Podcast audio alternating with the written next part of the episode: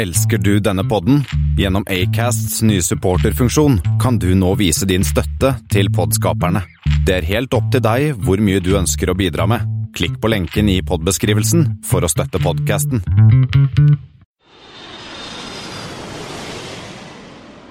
Hei, og velkommen til Flypoddens Flight 22, som spilles inn på selveste 4th of July. Helt uten fyrverkeri. Eh, Som vanlig så er det Christian Kamhaug og Thomas Lone. Så skal nerde med deg neste tre kvarterene, eller omtrent en flight fra Oslo til Trondheim, f.eks. Det er helt sant. Eh, jeg vet ikke om eh, dere lytterne fører statistikk eller eh, hører litt hvor vi er når vi spiller inn, men ved unntak av var det Flight 002, Christian, så har jo Ja. vi vært på samme sted Eller så har vi vært på forskjellig sted når vi har spilt inn episodene. Vanligvis så sitter jeg hjemme i Drammen, og du sitter i Asker, Christian, og det fungerer jo veldig bra. Eh, Jeg har vært i Tromsø og spilt inn, du har vært i Stockholm, Helsinki, men dette er vel den episoden der vi er lengst unna hverandre. Ja, det tror jeg. Eh, Jeg er nå på Lanzarote, eller nærmere helt på sydtuppen, eh, Playa Blanca.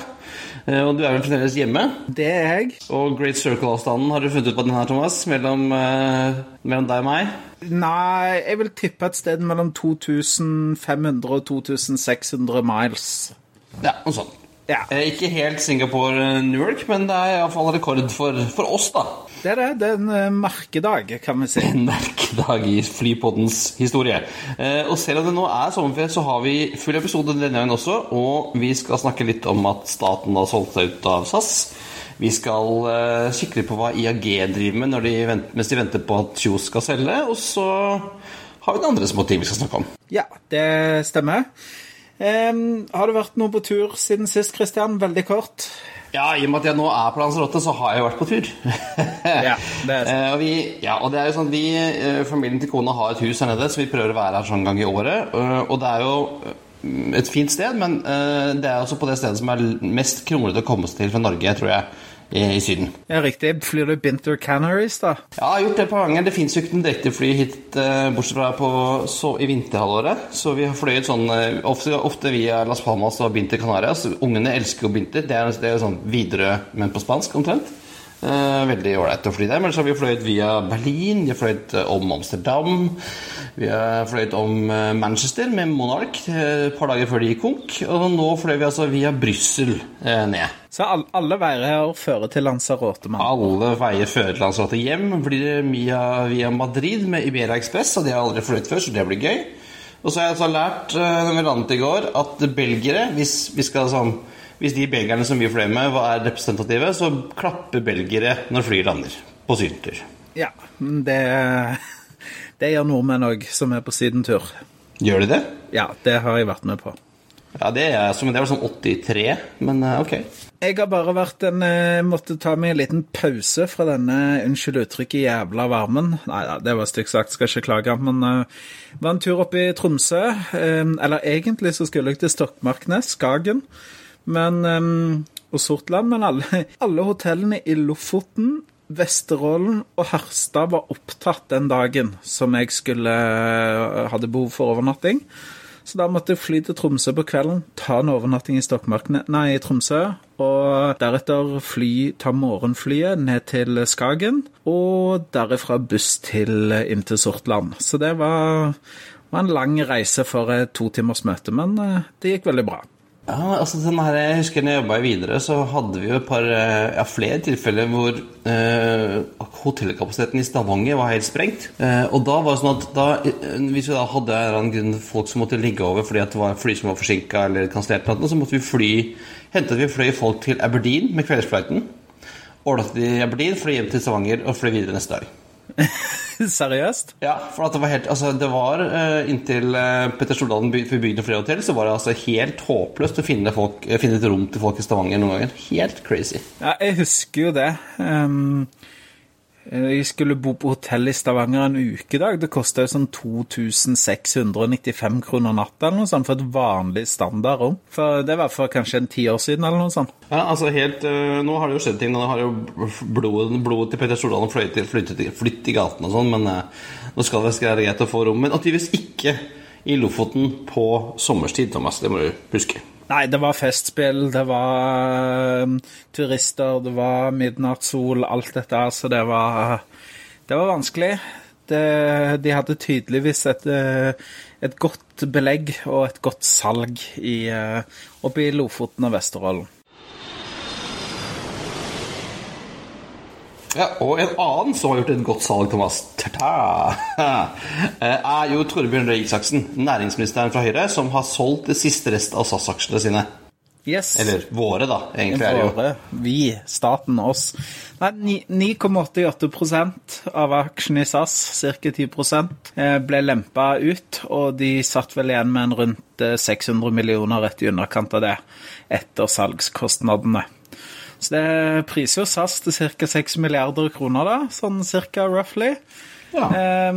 De starta jo nedsalg i så tidlig som i 2016. Solgte seg ned fra var det vel 14,3 Et eller annet. Ja. Ja, så de har solgt aksjer i et par omganger, og nå lempa de ut eh, siste slump. Um, og så ser jeg det har vært mye ståhei både utenlandsk og norsk uh, opinion som har ment mye om dette her.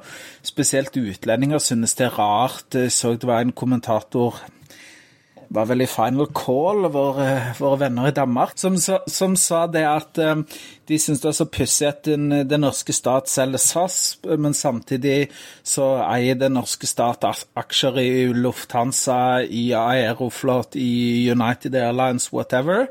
Men, men, det er jo litt sånn, da sammenligner man epler og bananer, for dette var jo et direkte eierskap av den norske stat, som vi hadde i SAS, mens, mens disse flyselskapene er jo rene holdt jeg på å si, finansielle investeringer som Statens petroleumsfond utland har gjort. Ja, såkalt oljefondet? Yes, som har gjort det. Som der de er en investor på lik linje med andre. Og Det var jo ikke tilfellet i SAS, da, der staten var direkte eier.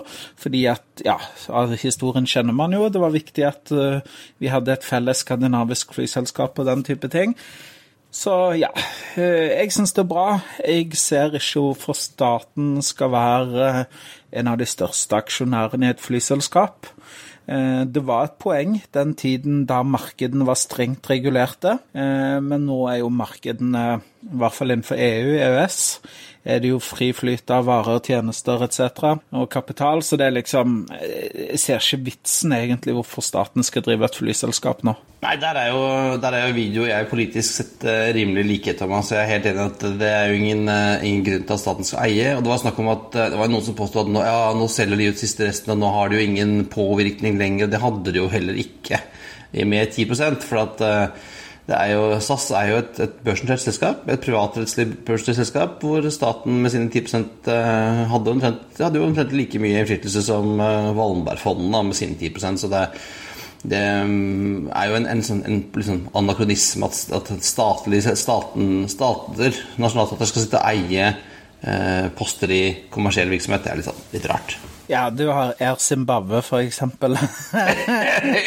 Uten sammenligning for øvrig. Uten sammenligning for øvrig. Det er sant. Yes. Så, uh, godt, og det er, jo, det er ikke sånn at, at, SAS nå plutselig ikke er norsk. Jeg sitter jo med SAS-aksjer, og det sitter jo en del andre private aksjonærer også som er norske som har SAS-aksjer, og det er jo et norsk-svensk-dansk selskap uansett hvem som sitter og eier aksjene. Ja, det norske AOC består jo. Flyene er på norsk register, de fleste. Så ja, hvem som eier de aksjene, det spiller ingen rolle i det lange løp, vil jeg si. Så hvis noen vil kjøpe mine, så er det bare å ringe? Ja. 25 kroner aksjen, selger du det da? Jeg husker jeg vet ikke, jeg vet, jeg vet ikke hva kursen er lenger, altså. Jeg hadde ikke vært rundt på en 13-14, ligger ikke vake rundt der nå. Ja, ja.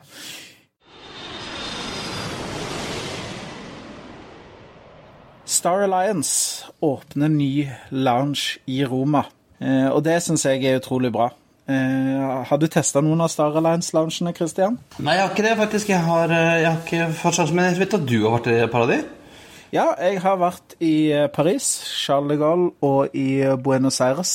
Og jeg syns egentlig at det er et veldig bra konsept. Jeg likte loungene godt. Og det at de nå har åpna en ny lounge i Roma, eh, på Fiumicino, det syns jeg er veldig bra. Eh, ja, for det er jo et Både Paris og Buenos Aires og Italia er jo markeder hvor det ikke, star, det ikke finnes noen lokal star carrier. Ja, og det, og det er der som jeg føler kanskje litt at uh, konseptet med Star Alliance Lounger, da, er jo det at man skal nettopp ha lounger, gode lounger, på der som man eh, ikke har noen carrier. Eh, ikke har noen hub. Um, de har jo i Los Angeles, der er vel United sånn uh, relativt De har vel ikke Los Angeles som en hub, de har det vel mer som en sånn Focus City. Ja. Uh, men, men de er jo ikke de, er jo, De har jo all den Største Størsteparten av den oversjøiske trafikken fra, fra United går ut fra San Francisco, f.eks. Det som skal over Stillehavet. Eh, altså, det er jo naturlig at du har en egen Starland, for Det er ganske mange Starcarrier som flyr til LA. Det er SAS og United, Air New Zealand Swiss, Swiss Lufthansa ANA ah, Ikke sant? Ja. Og i Roma er det vel hva jeg så, uh, 17 Star-selskaper som flyr til 25 destinasjoner totalt. Nå vet jeg ikke hvordan på en måte finansieringsmodellen og sånn er, men jeg tror Jeg tenker det at hvis du deler de kostnadene og den kvaliteten du får da på de 17 flyselskapene, så får du en veldig god Jeg, jeg syns på de to Star Lounge-loungene jeg har vært, så syns jeg det har vært blant de absolutt bedre loungene. Altså Det er klart det kan ikke sammenlignes med Lufthansa sin First Class Lounge eller terminal eller sånn. Ja, ja, ja, ja, ja, ja, ja, ja, ja. Men, ja, ja. Men eh, det tilbudet det er mye bedre enn disse eh, loungene som er drevet av sånn Ja, de er contract lounges, ja. Ja, kon kontraktloungene som er drevet av sånn third party. De er ofte crap, uh, stort sett. Ja, og det, det jeg leste nå, at de har liksom uh, I den, i den uh, Roma-loungen skal de ha sånn italiensk preg, og det så det fint ut og sånn. Men er det sånn at når du var i Paris, var det liksom litt sånn franskpreget der? Fordi at når du kommer i en lufthavnslounge, om den er i i en SAS-lounge, forresten, om du uansett den er i Oslo eller New York, eller hvor den er, så, så er den jo lik. Du kjenner deg igjen, men, men disse Star-loungene skulle jeg skjønte ha som litt sånn flavor, lokal flavor. Ja, jeg vet ikke Nå er det veldig lenge siden jeg var i den i Paris, så den husker jeg ikke. Men jeg syns at den i Buenos Aires, den var Den var Jeg tenkte litt på Argentina. Det var litt sånn duse jordfarger. Det var litt sånn, du tenker litt sånn argentinsk pampas, kuskinn, møbler, stoler. Um, og sånn som jeg forstår det, så er òg designet skal være liksom litt av argentinske landsbylivet som inspirasjon for den loungen. Og det følte jeg de, de traff ganske godt med, da. Så hvis noen av våre lyttere skal innom Fubicino snart, så får de stikke innom og ta en titt og fortelle oss hvordan det så ut. Eh, og vi har jo snakket mye om IAG, Thomas, og i forbindelse med den mulige kjøpet av Norwegian og deres selskaper, bl.a. Level, som jo er IAGs uh, low cost brand på, på, på long haul. Som noen vel har sånn påstått at var litt, litt, startet litt for å sparke Norwegian på leggen, i og med at oppstarten var i, i Barcelona, omtrent samtidig som Norwegian åpnet sine lange ruter fra Barcelona. Yes, det stemmer. Eh, og de flyr nå var det et par to-tre sånne 314-seters A3-200 som de har fått inn fra Iberia. Og det har vel liksom ikke helt tatt av. Nå åpner, vel, nå åpner jo Paris-basen også, den måneden her. Og så etablerer de seg vel i Østerrike òg, med noe Airbus A321. Ja. Og det er interessant, fordi at de åpner da når, Level er jo deres long haul low cost brand. Men så starter de nå uh, short haul uh, low cost i Østerrike med Level-merkevaren uh, istedenfor å bruke Vueling, som er litt rart. Ja, det er ganske pussig. Ja, for de, de, de, de starter med, med fire A321. Et par tror jeg, tidligere Air Berlin-maskiner. Og de starter det nå i dag, eller i går, tror jeg. Uh, starter nå til, fra Wien til Palma og Gatwick. Og gjennom sommeren så kommer også Barcelona, Malaga, Venezia, Olbia, Ibiza, Paris, Charles Milano, Penso Dubrovnik, Lerna, Calicante, Valencia, Bilbao. Riktig. Men ja, det, det, er veldig altså Jeg syns det er litt pussig at som du sier, Kristian, at de ikke gjør dette gjennom Vueling. Men jeg, jeg, ser liksom ikke helt følte Jeg tenker, bruker de dette her som å bygge merkevaren? Bygge level som merkevare? Få han ut på mer Få liksom level-flyene ut på mer flyplasser? Bygge brand awareness i mangel av et bedre norsk ord? Eller er det rett og slett kanskje det at uh, maskinene finnes i AG-gruppen. Eh, de starter da de kan hente inn folk som på en måte starter på bar bakke med tanke på lønnsopp, ansiennitet og den type ting. At de finner ut at operasjoner er faktisk så billige at det kan lønne seg å, å, å starte shorthold òg. For det, det der shorthold, low cost-markedet i Europa, det ser jo ikke ut til å ha noen bunn, det heller. Altså, Nei. folk flyr jo uan pokker sett, så skal de på ferie eller skal besøke slektninger, eller uansett, så ja, jeg, jeg, ser ikke helt vinkelen hvorfor de plutselig skal starte med shorthold når de har begynt sånn i den spede longhold-starten, så Nei, og, og, det som er litt, litt pussig, at Level har jo ikke noe eget AOC. I Spania bruker de Iberias AOC. I Frankrike bruker de det gamle AOC til Open Skies, som var et sånt BA-selskap som gikk ut fra Paris. Eh, og nå bruker de et AOC til et selskap som heter Anisek Luftfart, som er et datterselskap av Welling og har IATA-kode VK. Så er sånn øh, Og hvorfor kjører de det da under level-merkbaren om ikke det er en eller annen plan om at level skal bli low cost-brandet for hele? For whaling er litt sånn der, det er et merkelig ord. Det funker, det klinger sikkert bra på spansk, men i andre, andre språk så er det sånn Det klinger ikke så bra som level, altså. Eh, og satt på spissen, kanskje vi kan tenke at dette er et forhandlingsutspill i, eh, i eh, dragkampen om Norwegian? Jeg vet ikke. Nei, jeg syns det er rart. Men ja, vi får jo følge litt med og se hva som skjer. Men, Nei, de første, første flyene er allerede i lufta, og det, ja, det er spennende. Og det, ja, Apropos da Wien og Østerrike. Det, jo, det, skjer ting i Wien og Østerrike om dagen. Eh, for det første, alt det der med brexit og, og den type ting, så er det jo mange eh, av flyselskapene som er gjerne basert i, i, England, som nå er ute og skaffer seg AOC i Østerrike. Det er visst det nye Irland når det kommer til AOC-er. Så, så det, men uh, igjen, det skjer mye der. IAGA prøvde, prøvde jo å kjøpe dette her Fly Nikki etter konkursen i Air Berlin. Men eh, vår gode racerbilsjåfør og luftfartsmagnat Nikki Lauda, han eh, gikk seirende ut av den kampen der. Og så passende så døpte han flyselskapet om fra Fly Nikki til Loda Motion. Ja, og så solgte han eh, ca. 25 av aksjene til Ryanair med en gang. Ja, altså skal, så Det skal vel øke til 75 også, hvis de får sånn eh, OK fra, fra, EU på det. Så han snudde seg fort gjort fort, fort og ga det til Ryanair. Ja, sånn, Noen flipper eiendommer, andre flipper flyselskaper. Minner, altså han er veldig på Nicky Lauda. Han, han, var jo en stygg ulykke når han kjørte Formel 1 og ble brannskada og mista ørene og sånn. Uh, og da hørte jeg en, en, en, vits om Nikki Lauda. Skal jeg, skal jeg ta den nå? Ja, kjør i gang. Uh, Nikki, Nikki Lauda skulle ansette en ny privatsekretær uh, og hadde folk på intervju. Og så sier assistenten hans til disse som går inn på intervju, at uh, han er litt sånn sensitiv når det gjelder disse ørene, så ikke nevn det. nei, nei, ok. Første kandidaten går inn. Nikki sier 'Ser du noe spesielt på meg?' kandidaten sier 'Ja, du har jo ikke ører'. Ut stikk. Eh, andre kandidaten gjorde samme greiene. Tredje kandidaten eh, kommer inn, eh, blir spurt om Nikki eh, ser noe spesielt med meg. Eh, så, han sier, så sier Væran ja, du bruker jo kontaktlinser. Ok, hvordan visste du det? Nei, du har jo ikke ører til å ha brillene på. Ah.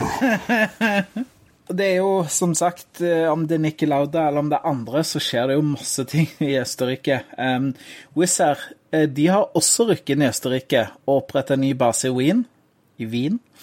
Eh, Lufthansa, som eh, var med på å prøve å kjøpe Flynicky, de, som, de fikk det jo ikke til. De etablerte seg med Eurowings også i Østerrike nå. Ja, I tillegg til at de har Austrian. Ja, og, og, så Det er jo altså, det er tydeligvis at i Østerrike ting skjer. Eh, og Vi hadde jo trodd liksom, at, at uh, Whaling også skulle starte der, men der ble det så level. av en eller annen grunn. Vi får se, Kanskje det er en sånn prøveballong og se hvordan Østerrike funker. Ja. Det er tydeligvis Østerrike. Det er et av landene som eh, vi i Flypodden må ha kikkerten på eh, i løpet av sommeren, Christian. Så hvis du bor i Østerrike, ikke eh, kjøp flybilletter ennå. Ta vent litt, det kommer til å bli billigere.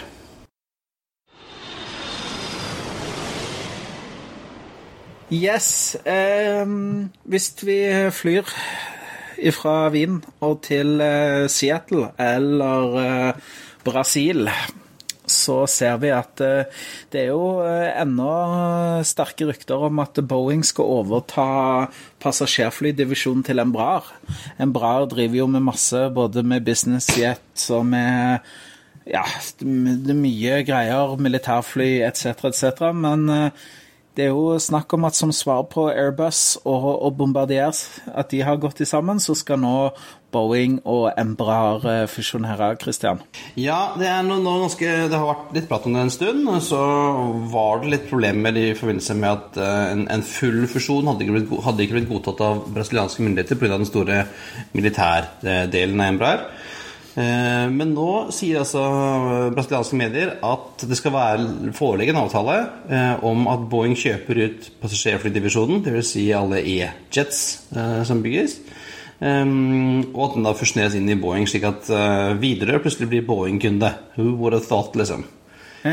Det er spennende. Så det kan vi si at det videre ja, nå, var det ikke, nå var det jo ikke hele Bombardier sin passasjer, det var jo bare C-Series-prosjektet, da. Men da kan ja, ja. si at de, de var nesten var de Airbus-kunder på de små maskinene, Boeing på de store. Ja, det er interessant nå at både Airbus og Boeing har liksom en stund sagt at nei, vi skal ikke bygge mindre fly enn en, uh, 7377 Max og, og A319, men plutselig så skal de altså ta det markedet som disse to oppstartene har, eh, har, bygget. Da. Og det er jo bra for, for E2 og, og, og C-Series, men det kan eh, jo være veldig problematisk for sånn som uh, Mitsubishis uh, Regiojet og, og Sukhoi Superjet og de andre utfordrerne i den uh, divisjonen. da. Plutselig nå har Boeing og Airbus som allikevel er i det markedet. Ja, men samtidig så er det jo ikke unaturlig å tenke altså regionaljetmarkedet, altså hvis man tenker under 150 seter.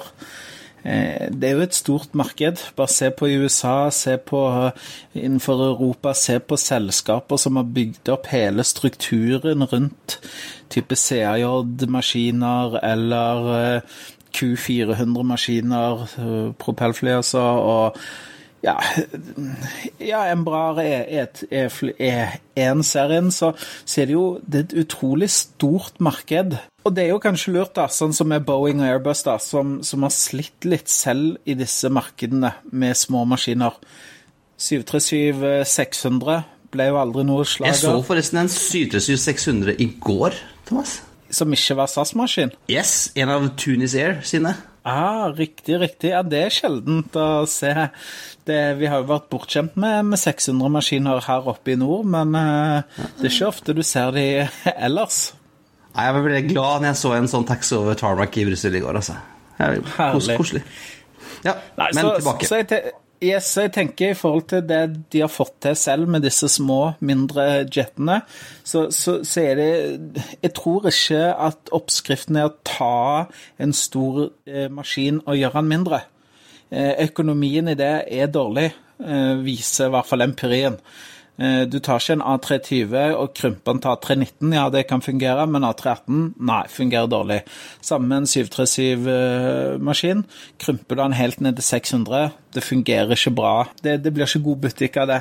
Så, så, det å ta maskiner som er faktisk bygd for det markedet, bygd for 100-120 passasjerer, eh, og da ta noen konsepter som er suksessfulle, som er gode, sånn som Embraer, Eh, og sånn som eh, C-Series. Eh, det tror jeg kan være lurt da, av Boeing, av Airbus. Og så tror jeg det er lurt av Embraer å bombardere òg, fordi da får de tilgang på en mye større del av markedet. Disse sjefselgerne til Airbus og Boeing er jo noen råskinn, så, så, du skal ikke se bort ifra at det kommer til å, å ramle inn med, med C-Series og, og e, e, Embraer-ordre i framtiden. Ja, ikke minst når de skal uh, trade opp, da, når Widerøe har, uh, har, fått så stor suksess med rutene sine med E2 at de trenger en større maskin, så klart, da vil jo Boeing stå der med en 727 Max, da. For eksempel. Eh, vi har jo kalt ukens episode Christian, for Need for Speed. Eh, og, det, og, det, er ikke fordi at vi er så fan av disse Fast and the Furious-filmene. Men eh, det, er, det spiller på at eh, forrige måneds nyhet om at Boeing eh, ser på et nytt eh, supersonisk passasjerfly. Eller til og med hypersonisk, faktisk. Hypersonisk, ja. Yes. Eh, Boeing har vist frem sine tanker, og, det, og det, dette er jo noe vi ser fra tid til annen. At både både flyprodusenter og andre ingeniørmiljøer andre lanserer disse typer flyene. Men det er, jo, det er, jo, litt ekstra spennende da, når Boeing på en måte gjør sine tanker rundt dette. For de, de driver jo faktisk og bygger fly til daglig. Så var det på en konferanse i Atlanta for en tid siden eh, som de da lanserte sine tanker da om hypersoniske passasjerfly. Og Grunnen til at eh, de sier hypersonisk og ikke supersonisk, sånn som Concorden var, er for at dette fly som er tenkt å fly i Mach 5, Christian. Ja, det er fort. Det er vel fem ganger lydens hastighet, sånn rundt 5000-6000 km i timen. Det er uh, rimelig kjapt. Da begynner du å få korta ned uh, tiden f.eks. over Stillehavet. Ja, de, de, sier da at de kunne gjøre unna London-New York på litt under to timer. Der hvor Concorden brukte tre-tre-og-en-halv, og Stillehavet så kunne kjøres på tre timer. Eh, og de har ikke sagt så mye om, eh, om liksom spesifikasjoner og sånn, men det bildet de har vist, viser et fly som er sånn større, litt større enn en businessjet og mindre enn en 737, sånn 100 seters kanskje. Eh, og det ligner ganske mye på, på det gamle legendariske vil jeg si, Lockheed SR-71 Blackbird, som oh, ikke fløy fortere enn Ja, Blackbirden fløy ikke fortere enn Mach 3, den, da. Nei, nei, men du vet hva de sa om Blackbirden? Det var en rakett med vinger. Det var basically det. Ja, og det, det, nå har jeg prøvd å finne litt om, om det type motor de skal bruke. De skal bruke en blanding av jetmotor og ramjetmotor. Jeg kaller det for en turboramjet. Og hvordan er det med deg, Thomas? Hvordan kan du forskjell på en, en jet og en, uh, og en ramjet? Tja, uh, en ramjet har vel ingen kompresjon og ingen, uh, ingen sånn bypass-fan. Det er bare luft inn. Det er til bensin, tenn på, og så kommer det ut bak. Så det er veldig Ja, det er, er kortversjonen, ja, det er veldig simple greier eh, i, forhold til, eh, i forhold til dagens eh, flymotorer som har vifter, og du komprimerer lufta noe sinnssykt, og du tenner på den og sånn. Så, så Ramjet, det er bare rett og slett luft inn, mix with fuel, ignite, og så kommer trusten ut på baksiden. Eh, det er i hvert fall sånn ja. jeg har forstått det. Ja, det var sånn eh, jeg kunne lese meg til også. Ja, de kaller det vel for a flying stovepipe. Så, så ja, um, ja, det er det er maskiner for menn, rett og slett. Det er primitivt, men uh, det funker. Uh, men det er jo um, det er jo sånn at uh, visstnok så er disse her ramjetene De fungerer mest effektivt opp til ja, 3500-3600 km i timen. Eh, men de kan helt, eh, fungere helt opp til en 7000 km i timen. Så, så, de ligger på hele intervallet der. Så, så, men hvordan de skal eh, da kombinere ramjeten med en Hva var det du sa det var? En en, en, mer sånn eh, tradisjonell jet. Så det snakker om De skal sånn, bruke samme luftinntaket, men når de kommer opp i sånn Mach 2-3, så avskjæres luften inn, i, uh, inn til jetmotoren, og så går det over i ramjeten istedenfor. Har jeg forstått, ja, da. Okay. Eh, og så var det spørsmål på denne konferansen hvorfor, når du kan bygge en Mach 5, hvorfor ikke bygge Mach 7 med samme motorer? Og så sier ingeniørene at ja, vi kan det, men det blir såpass dyrt med tanke på hvilke materialer vi må ha i flyet. for at Mach 5 er på en måte der, der det som Da må du liksom bygge fort det som bygger bygge masse fly liksom, i titan og, og keramisk uh, skit. Uh, for ja, det blir så varmt. Så det ja. at, at den, den, verdien du får av å fly liksom 2000 km raskere, er såpass dyr at den uh, vil ikke se, det, gidder ikke å se på engang. Uh, og det er jo ikke, det er, det, dette kommer jo ikke i morgen. Nei, det, det, det, er ikke, det, er ikke, sånn at man kan uh, hive seg rundt og kjøpe denne her i morgen. Nei, de snakker om en 20-30 år snakker de om at de kan kunne ha en sånn på lufta. Da, da vil den fly opp i 95 000 fot. Da ser du som da ser, da ser, ja, da ser du kurven av jorden, liksom. Ja, det, det, det, var en vits, eh, bare sånn apropos det. da, når jeg, jeg gikk på flygelederskolen, så var det en, en, en vits der som jeg hørte fra Shannon Control, som, som, er jo en av disse kontrollsentralene som bedriver oseanisk trafikk som skal over Atlanterhavet. Så fikk de inn en på radioen som requester flight level 650, altså, 600, eh, altså 65 000 fot. Eh, og så lo han eh, flygelederen litt og sa If you can manage flight level 650, OK. Så det var greit. Så bare kom det, kom det tørt fra, fra piloten at um, Leaving flight level 850 for flight level 650. Så det gikk ned. det var visst en sånn U2-spionfly eller noe sånt som kom over Atlanteren. Ja, det, det var de som flyr på Concorde, flyr på 60 000 fot, så det ja. er et stykke opp. Nei, men, men, eh, sånn tilbake til motoren, da. Jeg, jeg tror det er lurt, for at eh, dersom ramjeten sliter, og på en måte det renner bensin ut av den, bokstavelig talt, det er jo på disse lave Altså under lydens hastighet. Da er det utrolig ineffektivt. Så, så, det er det når man da får komme opp i de høyere MAC-tallene, 2, 3, 4, 5, det er jo da på en måte ramjeten er effektiv. Eh, og det var vel sånn med den SR71 Blackbirden òg at én eh, eh, ting var jo det at når de tok av med den, så, så lakk jo hele maskinen bensin. Jetfuel, fordi at disse platene som maskinen var bygd av, de måtte ha rom til å ekspandere pga. all varmen når du kom opp i Mach 3 osv. Og, så han brukte, og så brukte han mye da, eh, på, på, å komme seg opp i lufta, rett og slett. Så det første en sånn SR-71 Blackbird gjorde etter han hadde tatt av, det var jo air-to-air refueling før han kunne dra på, på oppdrag. Så, så, klarer de å løse det, så, så tror jeg at eh, kanskje dette kan bli økonomisk uh, lønnsomt. Men eh, det, er, det er veldig langt fram, Christian.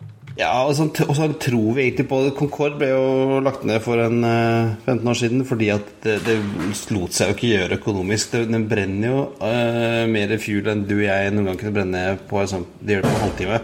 Det, uh, de kan gjøre det på et liv, tror jeg. Um, og så er det jo sånn, det koster masse penger. Og det er jo selv, så er det problemet med, med, disse sonic booms, det smellet når den, når den bryter lydens hastighet, som gjør at den kan jo ikke fly over, over land. Ja, i USA så ble det jo vel forbudt, det. Eh, det var derfor man prøvde jo å fly litt sånn coast to coast med, med Altså fra øst til vestkysten med Concorde, men det, da ble det jo rett og slett forbudt å fly supersonisk pga. disse smellene. Så, så, så det, var jo, det, var jo, kun derfor over havet at dette kunne brukes, stort sett. Eh, og så tenker jeg litt sånn Dette er bare min helt subjektive holdning. Eh, I dag så kan man fly fra New York til London på seks timer. Eh, man får en, en kort natts søvn hvis man prøver å sove litt. Eh, hvis man ikke sover, så kan man jobbe. Det er internett. Og tenker for den prisen man betaler for å fly Concorden, så kan man fly first class på British Airways, på American. Du kan fly egentlig first class på alle flyselskaper du måtte ønske istedenfor. Og da har du jo toppfasiliteter for å sove, for å spise, for å jobbe. Så, så før i tiden så, det, så, tenker jeg at den tiden man satt på fly, eh, bortsett fra at for den som gjorde det, da var det sikkert behagelig, avslappende og alt sånn, så var det jo dødtid sett i eh, et Hvis man skal se på det fra en forretningsreisendes eh, ståsted, så er det mye dødtid. Man fikk ikke tak i vedkommende osv.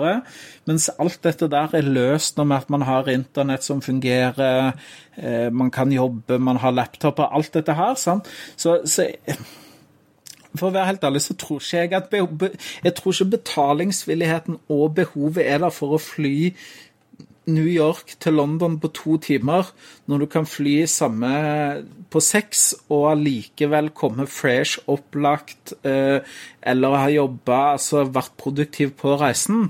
Um, så, så, ja, jeg, jeg har det sitter langt inne for meg å ha troa på, på, på super- og hypersoniske fly igjen, altså.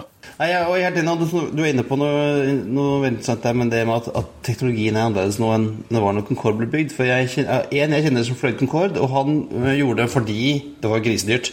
Men han gjorde det fordi han måtte eh, hjem til et møte som han måtte være med i. Eh, og hvis ikke han hadde vært der, så kunne det kostet mange millioner kroner. Eh, I dag kunne han gjort det over Skype. Sant? Akkurat. Hvis, sånn, du må, hvis du må være til stede, så kan du gjøre det over video. Uh, ja. Du må ikke fysisk være til stede. Um, og, og da, sånn, det, sier at da, det kommer til å bli ekstremt dyrt. Uh, og, og, du kan bare fly disse flyene over, over, over hav. Eh, hvor mange er det som er villige til å betale den prisen det koster? Eh, derfor tror jeg mer på disse businessjetene som ligger på en Mach 2 for folk som har ekstremt ønske om å være overalt til enhver tid, kan jeg skjønne. Men det, ikke, det kommer ikke til å bli en kioskvelter, det heller. Liksom. Så jeg tror, nei, jeg tror hvis, ikke, hvis ikke de gjør et eller annet med kostnaden fram, fram til da, så tror jeg ikke noe på det. Sorry. Sorry, Boeing. Lag heller eh, noe, noe, som er treigt eh, og kommer trygt fram og koster ingenting. Ja, og det er jo eh, Jeg kan anbefale en, en video. Det er jo noen som på YouTube som heter Wendover Productions, som lager utrolig mange kule videoer. Han som lager det, er en del ganske flyinteressert. Han har bl.a. gjort The Economy of Airlines veldig kult å, å, se på hvordan de forskjellige, f.eks. For eh, Economy, Business, First bidrar til regnskapet på en flytur.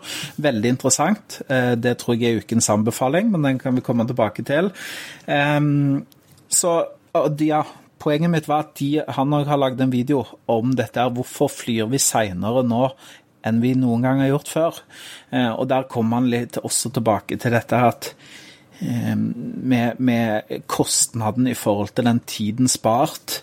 Det, det, er rett og slett ikke verdt å betale 60 70 80 100 000 for en flybillett eh, New York til London, når eh, firmaet kan sende en ansatt for 20 000, f.eks. på businessklasse, og vedkommende kommer uthvilt, har svart på mailene sine, smack, smack, smack, lander i London på morgenen dro fra New York på kvelden. Det er på en måte, det er så lite dødtid at, at det er på en måte ikke noe tap der. Og det da å legge på en 50 000-60 000 til for at uh, man skal fly fra A til B på to timer eh, Nei, igjen, jeg ser ikke verken behovet, markedet eller um, noe framtid for, for, den type flytransport. Eh, I hvert fall på de rutene som, som det er aktuelt over hav. Nei, så da ser vi egentlig to tomler ned for hypersonisk fly fra Boeing. Ja, det, det Dessverre. Det, det, det, gjør litt, det gjør litt vondt å, å, å, å, gi det to tomler ned. Altså, Concorde er jo Det var jo et fantastisk fly, og jeg er så eh, bitter på at jeg ikke har fått flydd det sjøl. Og jeg har sett det på Sola for øvrig. Jeg er oppvokst eh, ikke så langt fra Sola flyplass. Så nei. Mm, så nostalgien og på en måte Eh, Flynerden og elskeren i meg sier OK, la oss få et sånt et fly igjen, men eh, realisten og økonomen og alt det der sier vet du hva, det, det, er rett og slett bare ikke et marked for dette her. Det, det blir for spesielt. Det var, og det var dagens siste? Det var det. Da vil jeg ja. komme med anbefalingen, Christian. Yes, kjør, kjør ukens anbefaling, Thomas. Yes. YouTube har en kanal eh, med en fyr Eh, så kaller kanalen sin for Vendover Productions. Lager filmer som varer fra 10 til 15 minutter. Eh, og det er mye eh, fly, det er mye geografi, det er mye transport. Så jeg kan jo si, gi en liten teaser, er f.eks. Why planes don't fly faster, How budget airlines work, The economy of airline classes, Why Trains Suck in America, uh, The Siberian Flight Corridor, The Most Valuable Airspace in the World. Har vi jo snakket mye om den Siberiakorridoren, kjenner jeg. Ja, ikke sant? Så, så um, jeg vil anbefale den eh, nå i sommeren hvis man ligger og sløver på stranda eller eh, ligger i en stol på terrassen og ser på ungene løpe i vannsprederen, som jeg gjorde før jeg eh, kom hit eh, og spiller en pod nå, så anbefaler jeg absolutt Vendover Productions. Det er mye interessant. Eh, Og en del timer både med underholdning og opplysning der, altså. Og der går vi inn for landing med flight 22. Tenk det, Kristian, at vi har 22 det, det, det slår meg hver eneste gang. 22 podder har vi lagd nå. 22 episoder.